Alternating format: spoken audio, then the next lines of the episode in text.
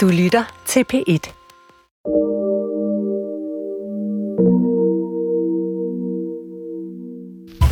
Vi vil have en radio med frisk luft og godt humør.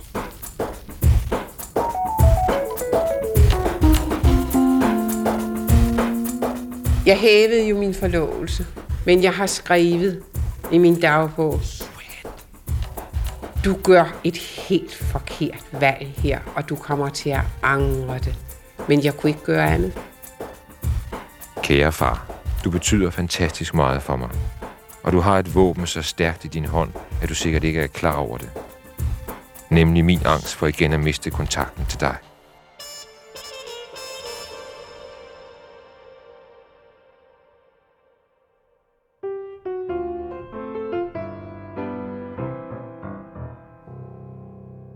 Det, du lytter til lige nu, er radioklassikeren, og mit navn er Emil Rothstein Christensen. Og hvis du hørte sidste uges program, så ved du, at det handlede om børne- og forældreforhold. Og det gør det faktisk også i denne uge. Men i lidt mere koncentreret form. Vi skal høre montagen Sin fars søn fra 1991. Og det er en montage, som handler om tre mennesker, der gik fra hinanden, men ikke kunne skilles fra hinanden. Sønnen i udsendelsen hedder Christian. Nærmere bestemt Christian Stentoft, som også er manden, der står bag montagen. Den anden person, vi møder i montagen, er Christians far, revyforfatteren Åge Stentoft, og den tredje person er Christians mor. Og det er hendes stemme, vi hører først her i montagen, som starter nu. En nat efter, at han var død, havde jeg en så intenst, virkelig oplevelse i en drøm. Det var meget mærkeligt, fordi jeg har aldrig drømt sådan intenst om ham. Uh, om din far. Det har jeg ikke. Men en nat, der drømte jeg, at jeg stod i fars hus i Mias. Og jeg stod, og det var simpelthen så tydeligt, hvad der skete. Jeg stod og lændede mig op af en dørkarm. Og Sand han sad og spillede, og med sine manchetter, som altid var uden for hans, hans ærmer. Og der sad han og spillede helt vidunderligt, og jeg stod bare og nød ham. Men pludselig så faldt han ganske langsomt over sit klaver. Og så gik jeg hen til ham og tog ham i hans krøllede nakke, og jeg var klar over, at han var død. Og der kunne jeg pludselig give ham al min kærlighed. Min sorg over, at han var død. Min kærlighed, at tage ham i håret, og, som var krøllet, og, og holdt om ham med al den tilladte kærlighed, som jeg gik fra, på grund af, at jeg ikke kunne leve sammen med ham. Og der tænkte jeg på, hvor må du have holdt af ham.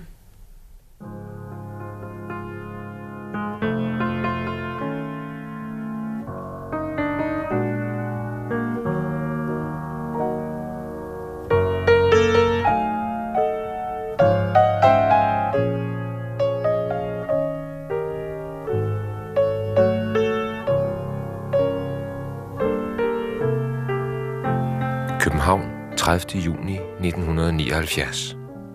Kære elskede far. Siden du for snart længe siden valgte helt at slå hånden af mig, er der en bestemt drøm, jeg drømmer igen og igen. Vi sidder sammen med dit soveværelse. Du er i pyjamas, lidt langskægget, og dit krøllede hår er ulet. Der lugter af varmt sengetøj. Så rejser du dig og omfavner mig i et langt, stort knus. Jeg mærker varmen fra din krop, og dit skæg stikker mod min kind. Du siger, du er stolt af at være min far, og du holder uendelig meget af mig. Jeg mærker en glæde og en fred i min sjæl. En forløsning. Tit når jeg vågner efter drømmen, er jeg badet i sved, og jeg kan se på puden, at jeg har grædt.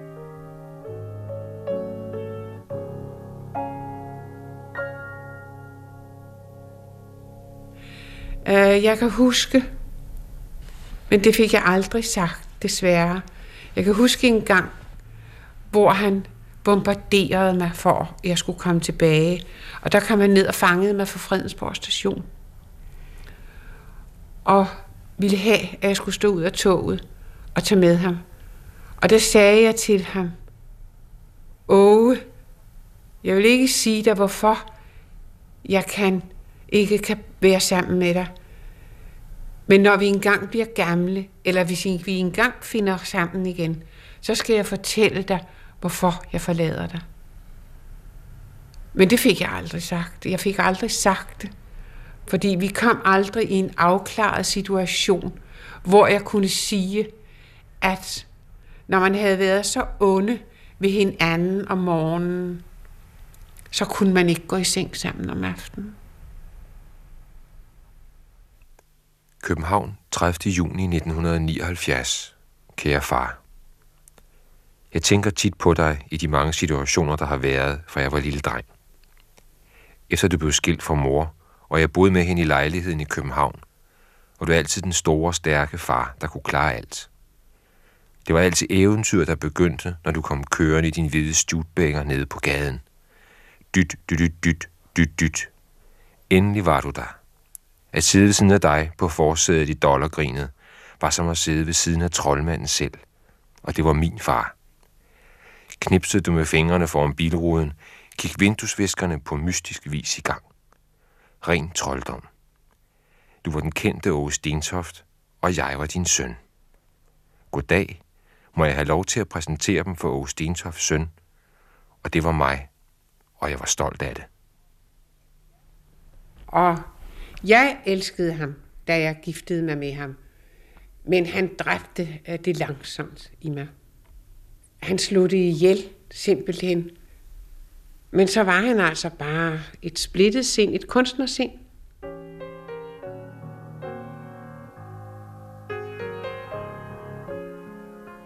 Fordi han elskede mig. Han har også elsket dig, og han har også været forfærdelig ond mod dig forfærdelig ond mod dig.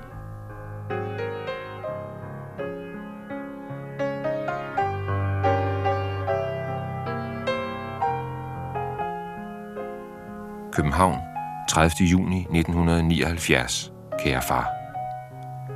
Som tiden er gået, er det begyndt at knive mere med identiteten. Hvem er jeg, når jeg ikke kun er din søn? Hvad står jeg for?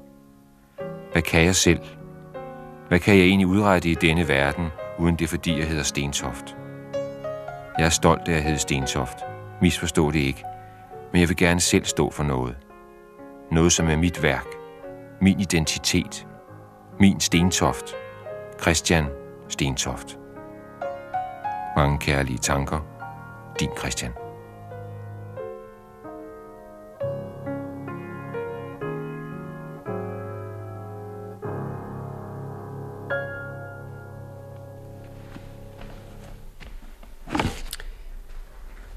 Her er et helt liv i den skrudsøjsæske.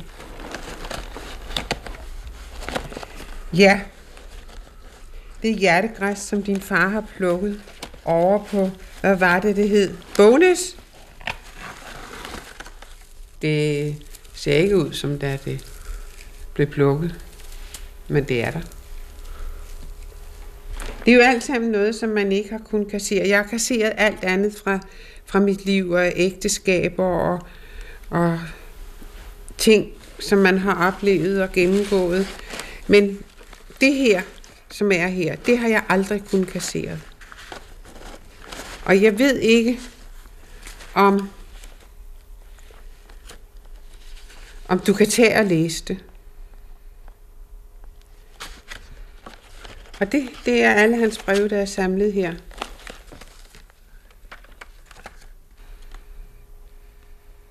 København, 28. april 1981. Kære elskede far.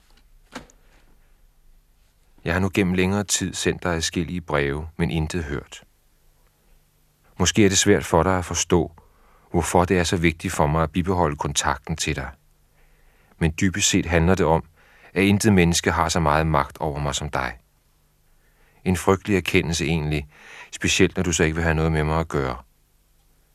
Jeg føler mig som fortryllet eller forhekset. Hver eneste dag oplever jeg, at en ny lille del af mig har forvandlet sig. Forvandlet sig til en tro kopi af dig. Et lille stykke åge her, og et lille stykke far der. Et lille stykke forfatter, et lille stykke komponist, et lille stykke showman, et lille stykke forretningsmand, et lille stykke skuffelse, der forvandles til bitterhed, mistænksomhed. Et lille stykke glæde ved at tælle pengene, jeg selv har sparet sammen i banken. Men far, jeg forsøger at kæmpe imod, fordi der også er sider af dig, jeg ikke bryder mig om. Men hver dag sker alligevel denne forvandling, og jeg tror kun, jeg kan stoppe den ved at løse de problemer, jeg har med dig. Derfor beder jeg om din hånd. Jeg gør det så indtrængende, jeg kan, og bliver så samtidig bange, fordi du ikke tidligere har svigtet og afvist mig, når jeg virkelig har bedt om din hjælp.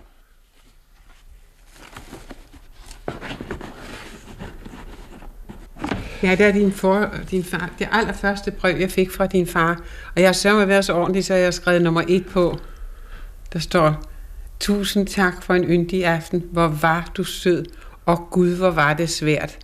Der har jeg været lidt stedig. Ringer til dig. Åh. Tusind tak for en dejlig aften. Hvor var du sød. Og Gud, hvor var det svært. Ringer til dig. Åge. Du vil få et helt fantastisk andet billede af din far med de breve. Og måske vil du ikke tilgive mig, at jeg gik fra ham.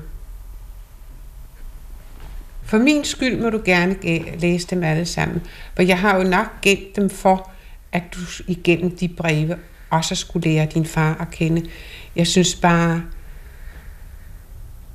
du skulle have gået lidt længere tid. For det er, som han var, når han var væk fra en, og ikke kunne ramme en.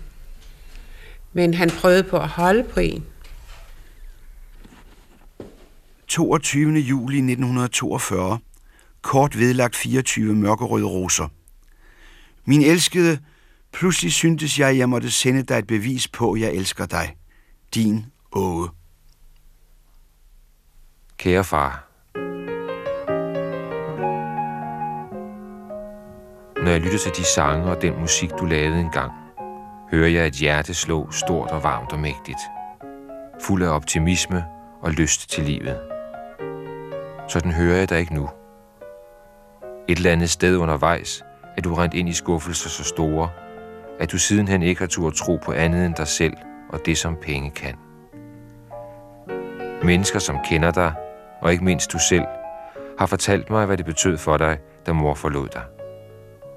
I dag fornemmer jeg, at alle de skuffelser, du har haft, var det måske den største. Følelserne mellem mor og dig er ikke døde, og det er dette komplicerede spil, jeg føler ved at komme noget i klemme. Dybest set tror jeg nemlig, du holder af mig. Mange kærlige hilsner, Christian.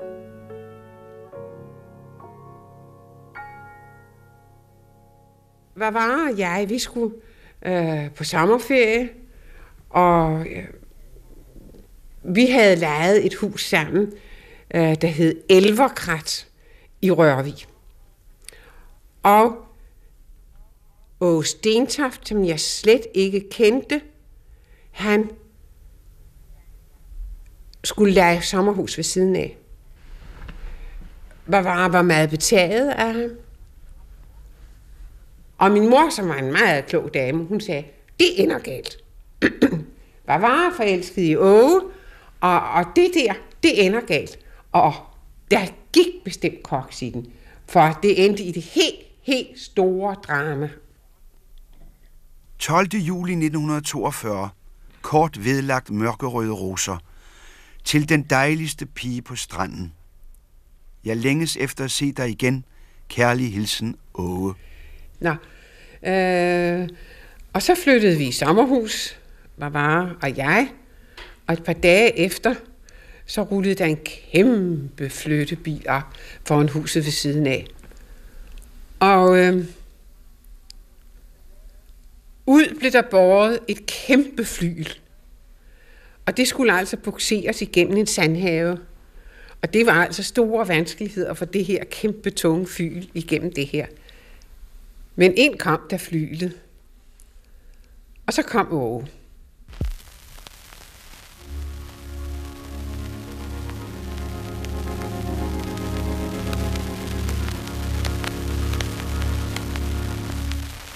Will this be moon love? Nothing but moon love. Will you be gone stealing through? Are these just moon dreams? Og jeg var jo ringforlovet. Og det var svært at være ringforlovet i Rørvig. Med det klæasi med Åge Stentoft i sommerhus ved siden af. Stor, pragtfuld sejlbåd med to mand ombord. Med Apollo på brystet nede i Rørvig Havn. Og, øh, og det var en betagende tid for mig. Et luksus og ned ombord og sejle, og hvordan skulle den stakkels Jørgen, som jeg var forlovet med, klare sig i det? Og vi havde det helt vidunderligt, og din far i huset ved siden af, han vidste jo, hvordan taktikken skulle være. Så han sad jo og spillede på sit store flyl over for åbne døre. Og der spillede han Moonlove.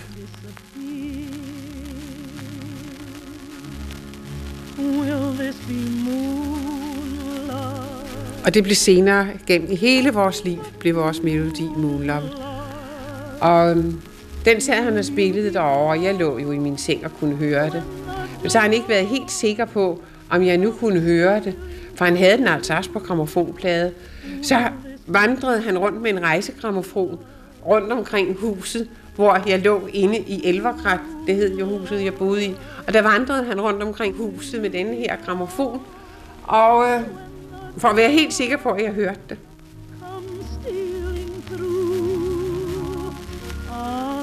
just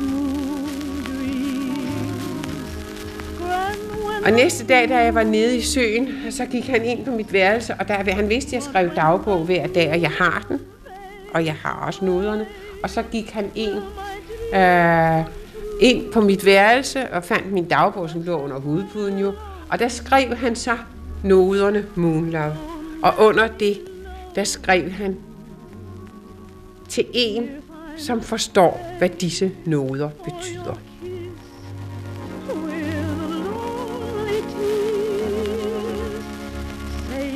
not moon.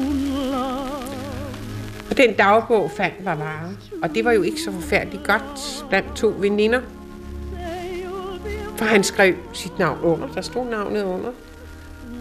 Og så rejste Barbara.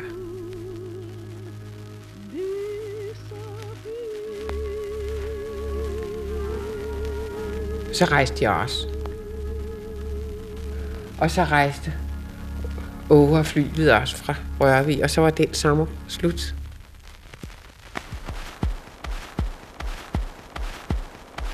27. juli 1942. Godmorgen, min elskede. Nu tager jeg afsted, men vil ikke et øjeblik glemme dig. Hele tiden vil du være i mine tanker. Fuxi, du ved hvorfor. Din Åge.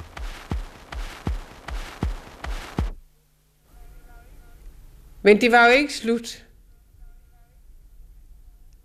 for mig.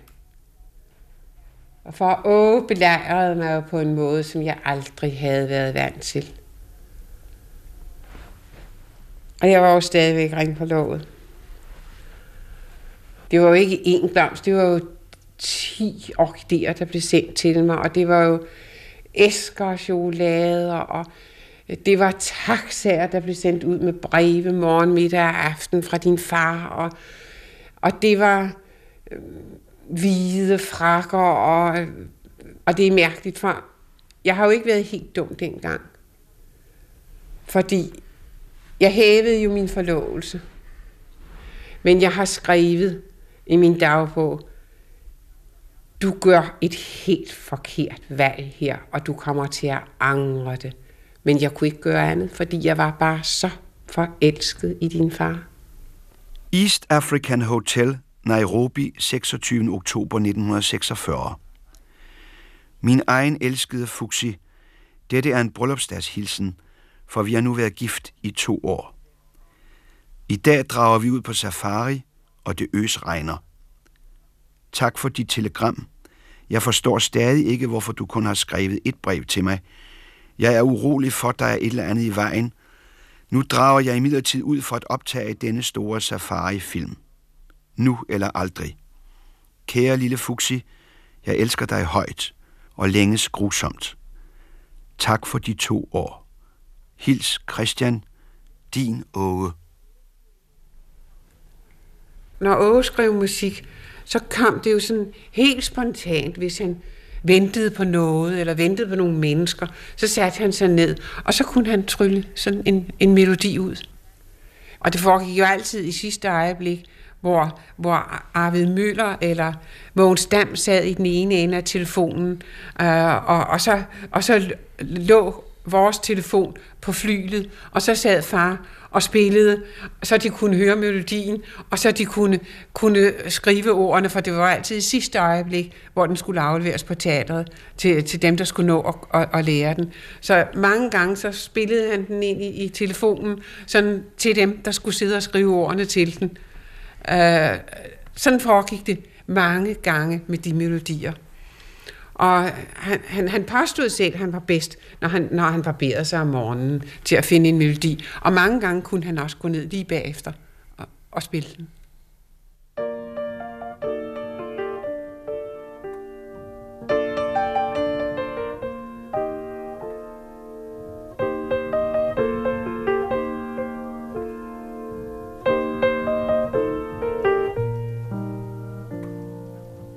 East African Hotel, Nairobi, 30. oktober 1946.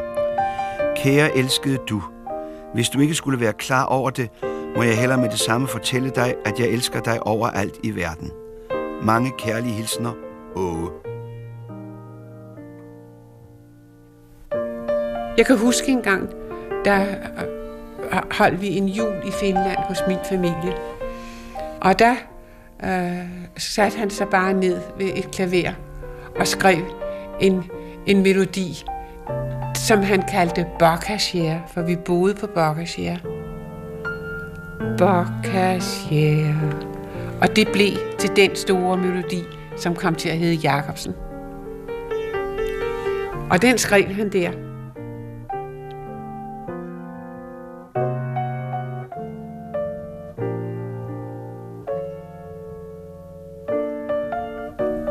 Og det var sådan en, en stråtæk bygning, hvor der var lavt til loftet. Og, og flylet, det stod i solskin. Og der sad han og skrev det. Det stod sådan lige i solskin, ind af lave vinduer. Og der sad han og skrev den. Jeg kan så tydeligt huske det.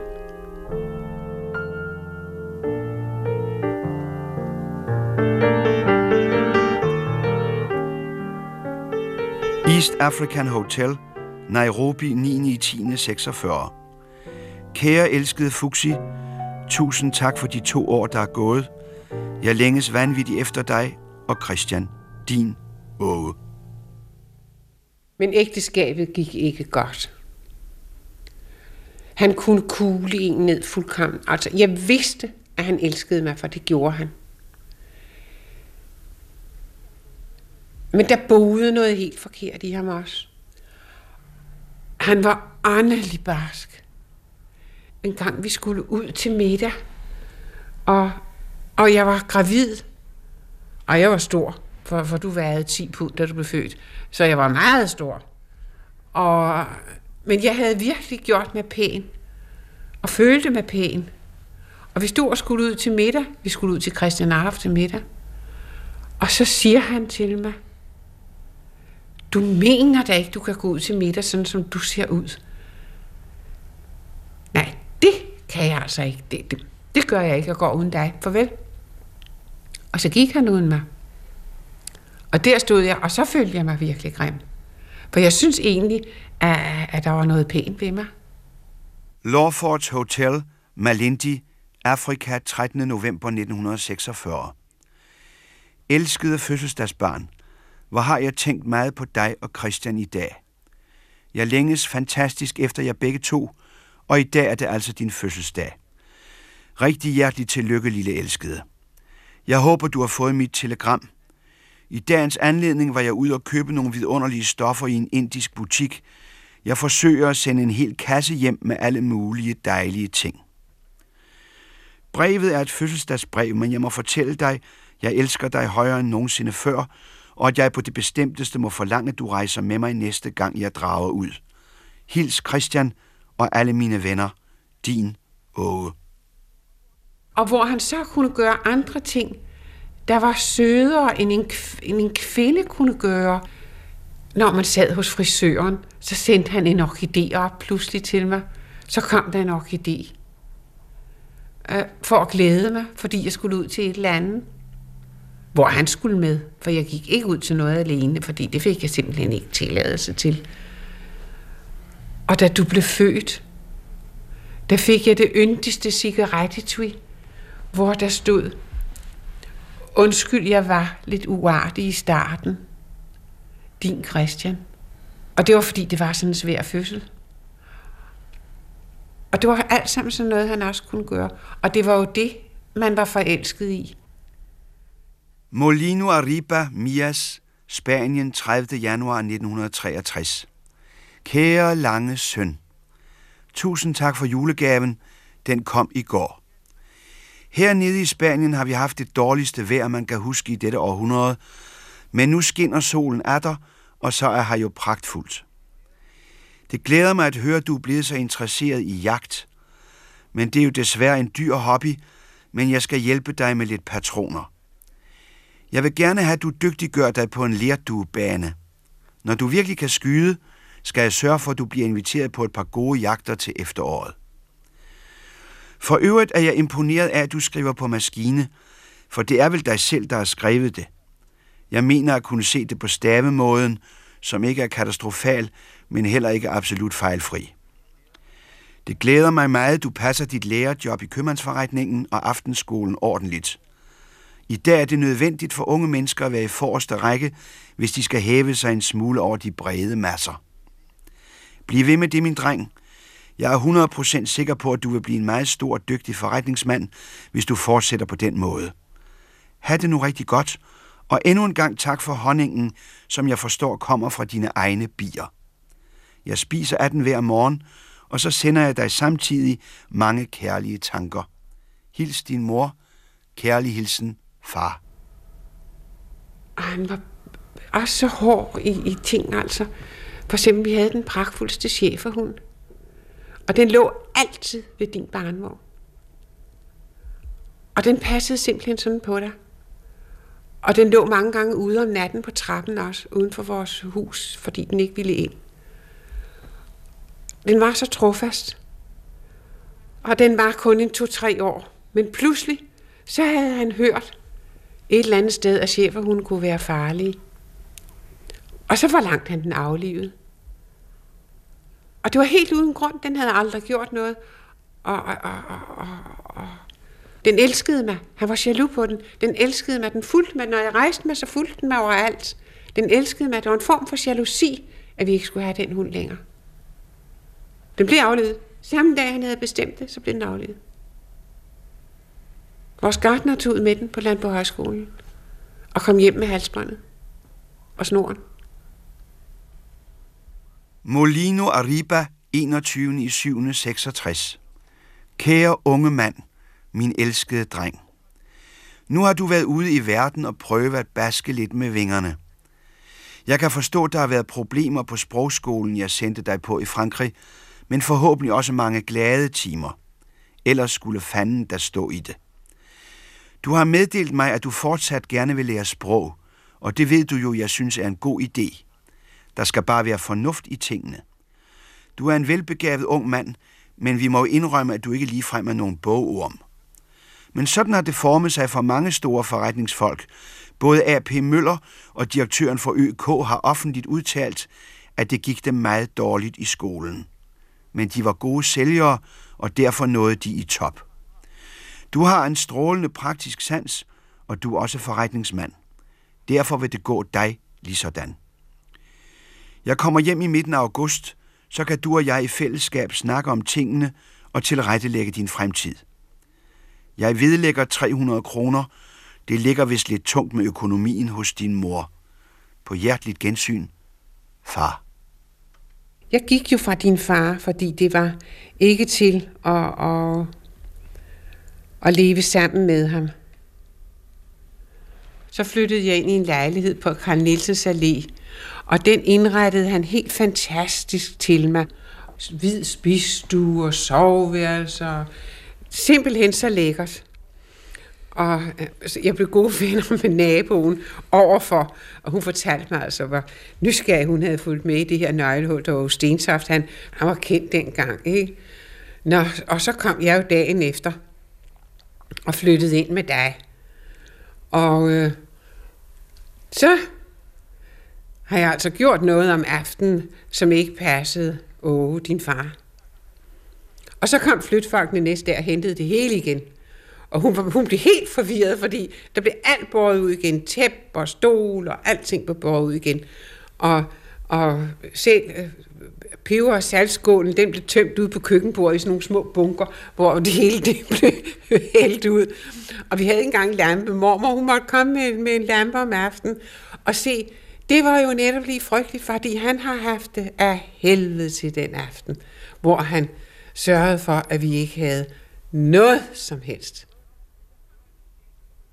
Men så kom det hele dagen efter igen, og der blev hun altså helt forvirret hende over i hullet, og så det hele det flyttede ind igen dagen efter, med tæpper og møbler og sofaer og alting.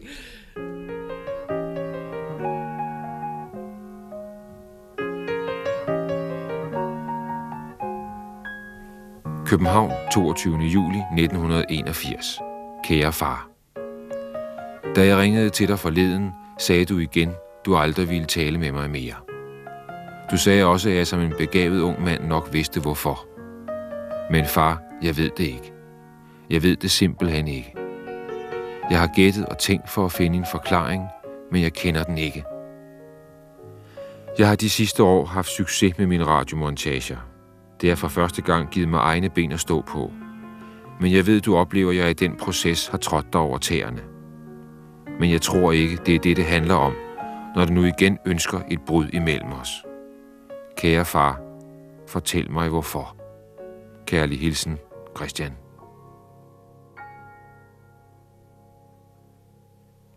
Taj Mahal Hotel, Bombay, 20. november 1950. Elskede Fuxi, blot disse linjer for at bede dig omgående sende en tegning af din største fod, eller allerbedst en tegning af begge fødder med de forskellige mål angivet. Jeg har fundet en kinesisk skumar. Han laver de mest bedårende sandaler og sko, du har set. Jeg skriver langt brev til dig i aften. Glem mig aldrig. Hils alle, specielt Christian. Kærlig hilsen, din Åge. For mit vedkommende, og for der er nogen, der skal kunne forstå mit frem og tilbage, og efter jeg var gift igen og havde fået barn, så levede vi stadigvæk sammen, din far og jeg. Og efter han havde været gift igen og fået en søn, så levede vi stadigvæk og havde behov for hinanden. Jeg havde sikkerhedsnet altid med ham. Og, og han ringede, når han var død ulykkelig. Øh, da My Fair Lady pludselig blev taget af plakaten, og der var premiere om en time, og, og, og der var, stod vi hjemme i Karl Nielsens Allé. Du, du gik på kostskole og havde fået fri, og glædede dig sindssygt til premieren på My Fair Lady. Og du var i gala fra uniform, og jeg var klædt pænt på. Og så ringer far. Fuldkommen smadret. Premieren øh, er aflyst, og at det vil blive sagt i radioen, og Ingeborg Brems er syg. Og, og så siger din far øh, til mig, øh, det er fortvivlende, jeg er dybt ulykkelig, og, og, og det, det er for fint. Jeg bor inde på Trefalke, og det hele er ramlet, og, og du må komme ind, du, du må komme ind, du må være her i nat, der, det hele er ramlet. Øh, du står der og bliver dødked af, at din far er ulykkelig. Og jeg bliver dødked af, at din far er ulykkelig, og du er ulykkelig. Fordi din far siger, du må komme ind på Falconer-centret, jeg kan ikke klare det, du må komme ind på Falconer-centret, jeg kan ikke klare det. Han kunne ikke klare det. Men jeg måtte ringe til venner og sende dig afsted i en taxa. Og der havde jeg lidt på fornemmelsen af, jeg vidste ikke, hvem af dem, der kunne klare det alene. Om det var dig, eller om det var far. Og det var alle de situationer, han satte op, der gjorde, altså så kunne jeg ikke elske. Så kunne jeg ikke. Når jeg vidste, at du var smart og ked af det, så, så kunne jeg ikke så kunne jeg ikke tage en. Jeg tog en, men jeg kunne ikke være 100%, fordi jeg vidste, at du sad og var ked af det, fordi at far var ked af det. Taj Mahal Hotel, Bombay, 6. 11. 1950. Kære, yndige kone, dejlige Fuxi. Min elskede, vi har nu været gift og skilt i seks år. Jeg elsker dig højere end nogensinde. Jeg for hver dag, der går, kommer jeg til at holde mere af dig. Du er mit et og alt, og det er mit inderlige håb, at intet i verden må kunne skille os ad. Vi hører sammen, du og jeg. Når jeg tænker tilbage på de år, der nu er gået, skammer jeg mig over de mange gange, jeg har været ond mod dig. Hvor har jeg dog båret mig forkert ad, når mit temperament løb af med mig? Og hvor har du altid været en god kone? Enestående var du i modgangens mange og lange timer. Jeg fatter ikke, hvordan jeg så ofte har kunnet glemme, hvor meget du har betydet og altid vil komme til at betyde for mig. Elskede du, tilgiv mig og prøv at holde ud et stykke tid endnu. Så skal jeg nok blive i stand til at byde dig den tilværelse, du fortjener. Hils vor dejlige søn fra mig, og fortæl ham, at far længes forfærdeligt efter både ham og mor, fordi far elsker sin kone og sin søn.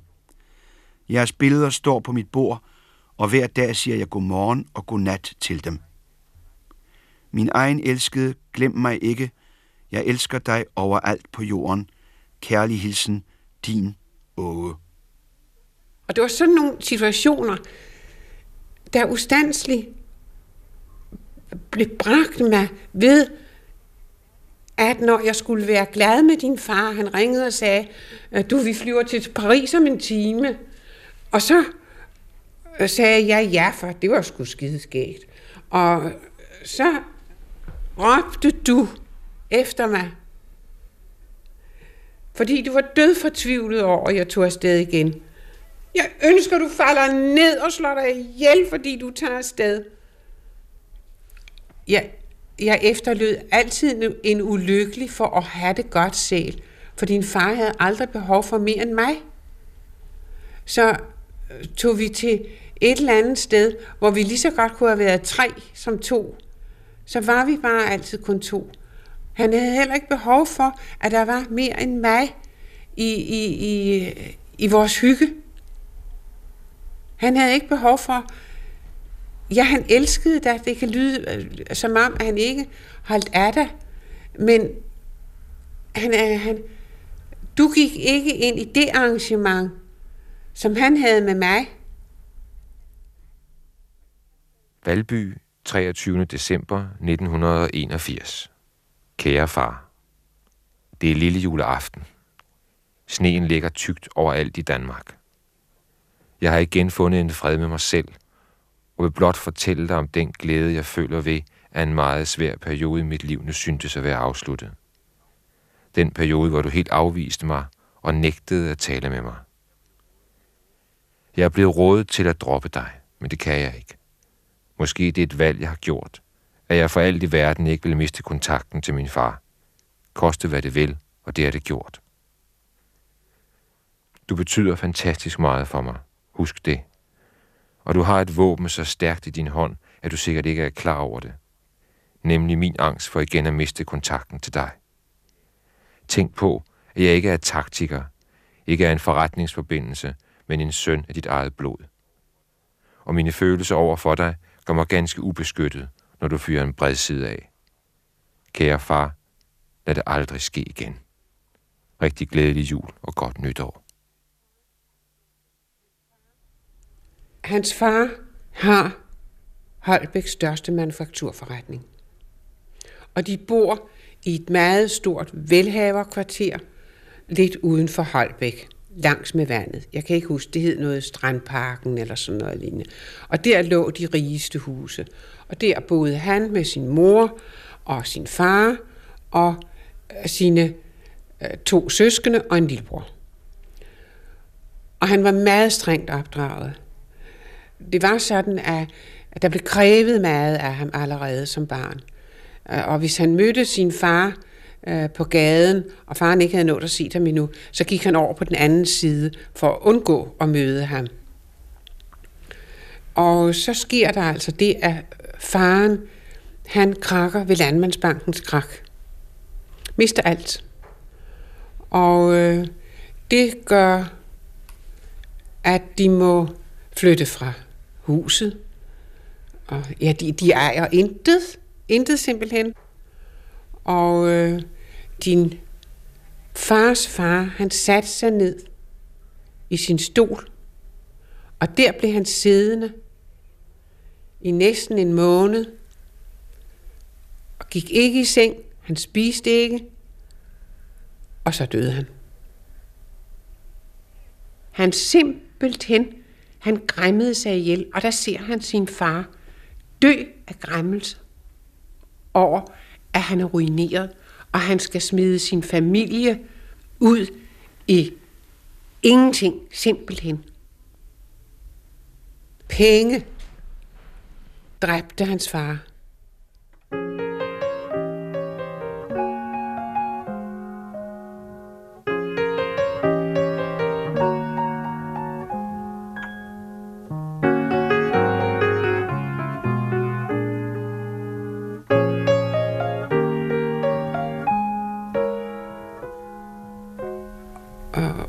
Min din far, han havde, han havde dværghøns. Og øh, det måtte han gå ud og vride halsen om på. Fordi at de skulle flytte ind i en lejlighed. Og det var også mangel af penge, at han skulle slå sine dværghøns ihjel. Og der tror jeg, at penges magt har sat et dybt, dybt spor hos sin far.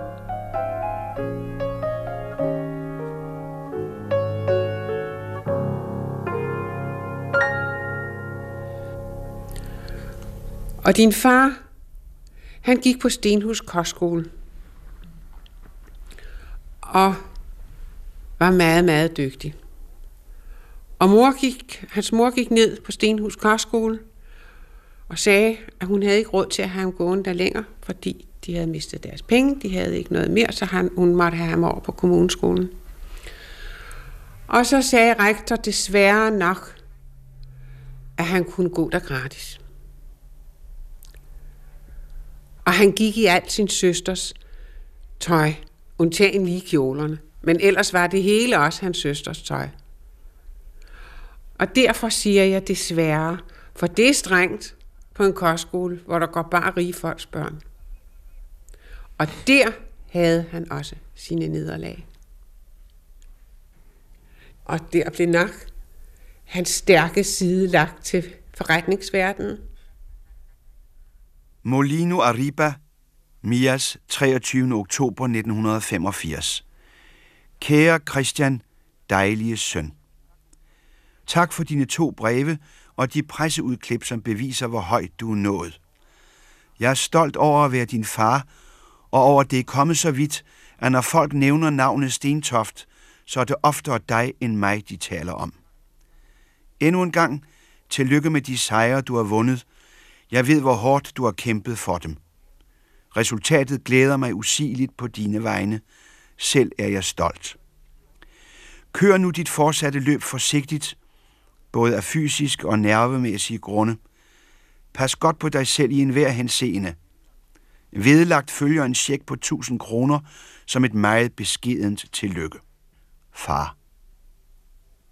Han strammede den over for sine skuespillere, hvor han ikke altid blev vældigt, og over for husbestyrerinden og over for dig. Han kunne være large, når han ville give noget. Der kunne han være Lars. Øh, I sin kærlighed kunne han være Lars. Men når det så øh, kom ned i det økonomiske, så vendte han lige bøtten, og der sårede han dig, så du mange gange græd. Og jeg også græd. Han har været smart i pengesager, men han har gennemgået noget med penge, som har sat, som har skadet ham for livet. Simpelthen, som har skadet ham for livet. Har slået nogle strenge i stykker i ham. Det er ligesom en blomst, der ikke har fået nok vand. Den, der, der er nogle af de grene, der dør, og så er det ligegyldigt, hvor meget man vander den igen. Så er de døde. Molino Arriba, Mias 12. december 1986. Kære søn, jeg ved, du er alene juleaften. Det foretræk jeg selv i mange år. Nu er jeg gift med mig, som har sørget for, at julen hernede kan blive festlig uden salmer. For mig er det mærkeligt at tænke, at din bror Alex, der ligesom du klarer sig godt, også ønsker at være alene i julen. Men I kan jo begge nynne en af mine sange, når julen er slut, pustes lysene ud. Jeg håber til gengæld, de tændes for din og Alex fremtid. Det fortjener I begge. Modtag de bedste nytårshilsner fra mig og din far. Så blev vi skilt. Åh, oh, ja, kæreste, du var jo ikke så gammel. Hvad var du? Fire år. og det var en forfærdelig proces. En grusom proces, fordi jeg stod så stærkt, fordi jeg havde forelsket mig. Og det gav mig styrke til at flytte fra din far. Fordi så kom han jo pludselig i tanke om, hvor værdifuld hans søn, som han ikke havde beskæftiget sig overhovedet med, og jeg var. Og, øh, og jeg forstår egentlig ikke, at jeg, at jeg kunne gøre det i dag, fordi han blev så syg den aften, jeg flyttede, så han kom på hospitalet med et hjerteanfald og gjorde ting, som var helt vanvittige. Men så blev jeg konfronteret med, med din ulykkelige kærlighed for nogle måneder siden. Og der gjorde det mig virkelig ondt, at jeg ikke havde behandlet din fars ulykkelige kærlighed meget dybere, end jeg gjorde dengang. For det tog jeg ret overfladisk. Men der så jeg din far igen, da du var meget, meget ked af det. Han reagerede lige så sindssygt, som du reagerede. Allingehavn, Bornholm, 16. august 1989. Kære far. Jeg skriver til dig ombord på min sejlbåd Feature, som jeg netop nu ligger med i Allingehavn på Bornholm. Og dette skal være et rigtig lykkelighedsnært sommerbrev for jeg har forelsket mig og er nærmest helt for snøvsen. Jeg har besluttet at fri til hende, inden vi sejler fra øen her. Der er ingen tvivl i mit sind, nu vil jeg giftes og have nogle børn. Jeg har set frem til at kunne skrive dette brev til dig, fordi jeg ved, det vil glæde dig, at det, jeg har drømt om og søgt gennem så mange år, nu endelig synes at lykkes. Beruset af mange smukke nætter her ombord på skibet, ser jeg verden omkring mig i et stærkere lys, fyldt af optimisme – og jeg kan dufte det i skoven. Lyngen blomstrer, og skovbærene er ved at være modne. Hist og her skyder svampe deres eventyrlige hatte lige op gennem gulvbrædderne, der hvor alferne bor, og er med til at give skovbunden denne karakteristiske fugtige duft af muld og sensommer. Og nu hvor solen står lavere på himlen, er lyset et andet, når jeg kigger ud over markerne og havet. Det er begyndt at blive koldere derude, Man skutter sig lidt, kryber i en tyk trøje og drikker varm te. Men det er smukt. Især når jeg kan holde med et andet menneske og sige, jeg er lykkelig. Igen at elske og blive elsket. At tappe løs af et uudtømmeligt ocean, der aldrig lader sig tørre ud. Det er lykkeland, og det er lige her og nu det er. Og jeg lover mig selv aldrig at glemme det.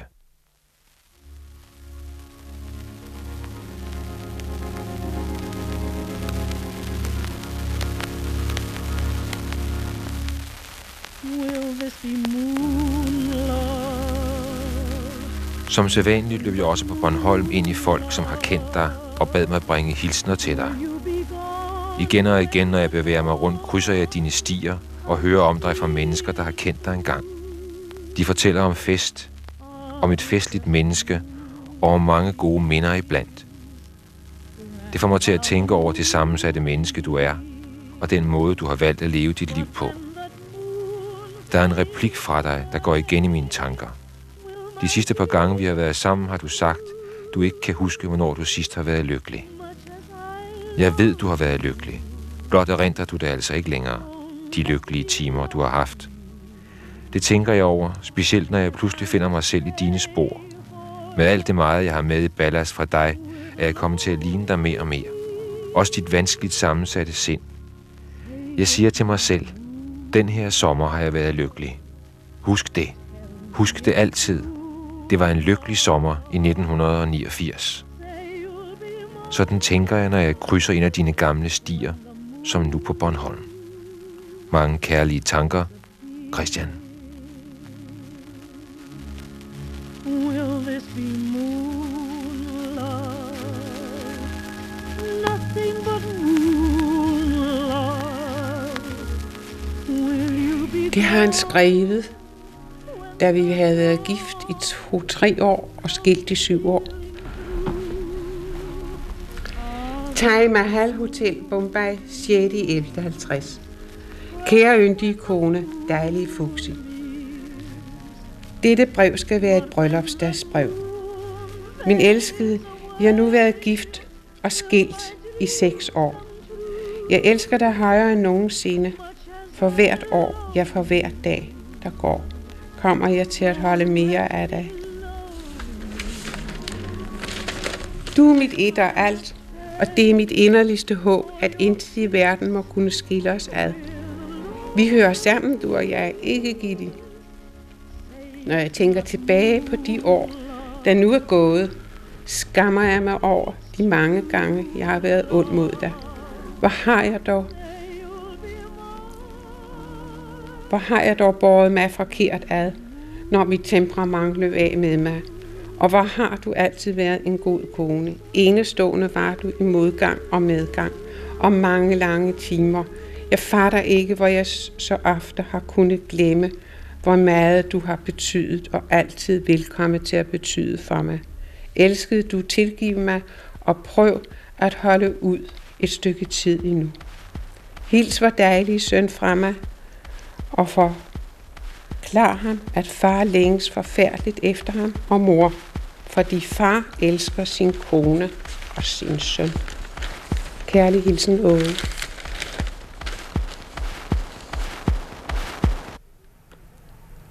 Hvor jeg end stod, øh, så havde jeg altid et sikkerhedsnet. Øh, jeg vidste, at hvis jeg blev meget syg, og måske skulle dø, så vidste jeg, at han ville komme. Så der vidste jeg, at jeg skulle træffe ham en gang til. Men nu dør han først. Og så er chancen der ikke. For mange af mine gerninger, de gik ud på, at han kommer og ser, hvor smukt du har fået det, og hvor dejligt jeg bor. Og han, han, han når at komme og se, hvor fint du har fået det, og hvor meget, hvordan du har tjent dine penge, og, og hvordan du har, ja, hvordan du har begået dig. Og det har jeg hele tiden altid regnet med, at det skulle han nå at se. Og det var også en stor sorg pludselig, da han døde, at han ikke nåede at se. hvad jeg havde nået. København, 26. april 1990. Kære far. Jeg ved sgu ikke, hvor meget du har elsket, og hvor meget du føler dig elsket. Måske tænker du, nu hvor du igen fylder år, hvad nytte er det til alt sammen? Du oplever måske at have alt, og have fået alt, hvad denne verden kan give dig, i hvert fald af materielle goder. Men at du ingen glæde har ved at have det. Glæden ved livet måske. Det er ikke så tit, vi ses. Men mange tanker går ofte til dig i Spanien. Kære far, min fødselsdagsgave til dig er den specielle glæde, kærlighed og varme, der kun kan komme fra en søn, der bare er vild med sin far. Jeg ønsker for dig, du må have det så godt som overhovedet muligt. Og du vil give dem, som er omkring dig og som holder af dig, lov til at fejre dig på din fødselsdag. Og du vil kunne nyde, de gør det. De kærligste hilsner og et stort tillykke, Christian. Jeg tror, han døde som en dybt ulykkelig mand. Og bitter. Det tror jeg også. Men han skulle aldrig have været flyttet til Spanien. Aldrig. Jeg ved godt, han gjorde det, fordi han havde et dårligt hjerte. Og det var bedst for ham. Men med Lars nok igen pengene lidt. Og der tror jeg, at han blev en glemt mand, fordi han flyttede. Han, hvis han havde været her i København, var han død meget lykkelig, og hvis han havde levet 10 år mindre. Fordi her havde han hørt alle sine melodier i, i øh, radioen ustandsligt. I, I Spanien var der ikke nogen, der spillede hans melodier. Dem hørte han ikke. Her havde han hørt dem. Der havde han været en husket mand, og han havde fundet på noget at lave. Han var jo gået ind i noget business af en eller anden art. Han havde fået noget... Han var blevet en levende mand. Der, der tog han ned simpelthen og gik på aftægt alt for tidligt, og det blev han bitter af.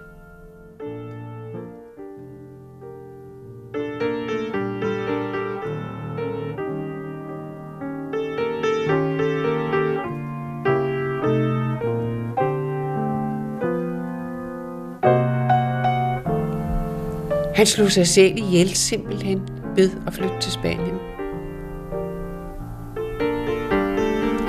Og troede, han var en glemt mand, hvad han jo slet ikke var. Men han var et dybt, dybt ulykkeligt menneske.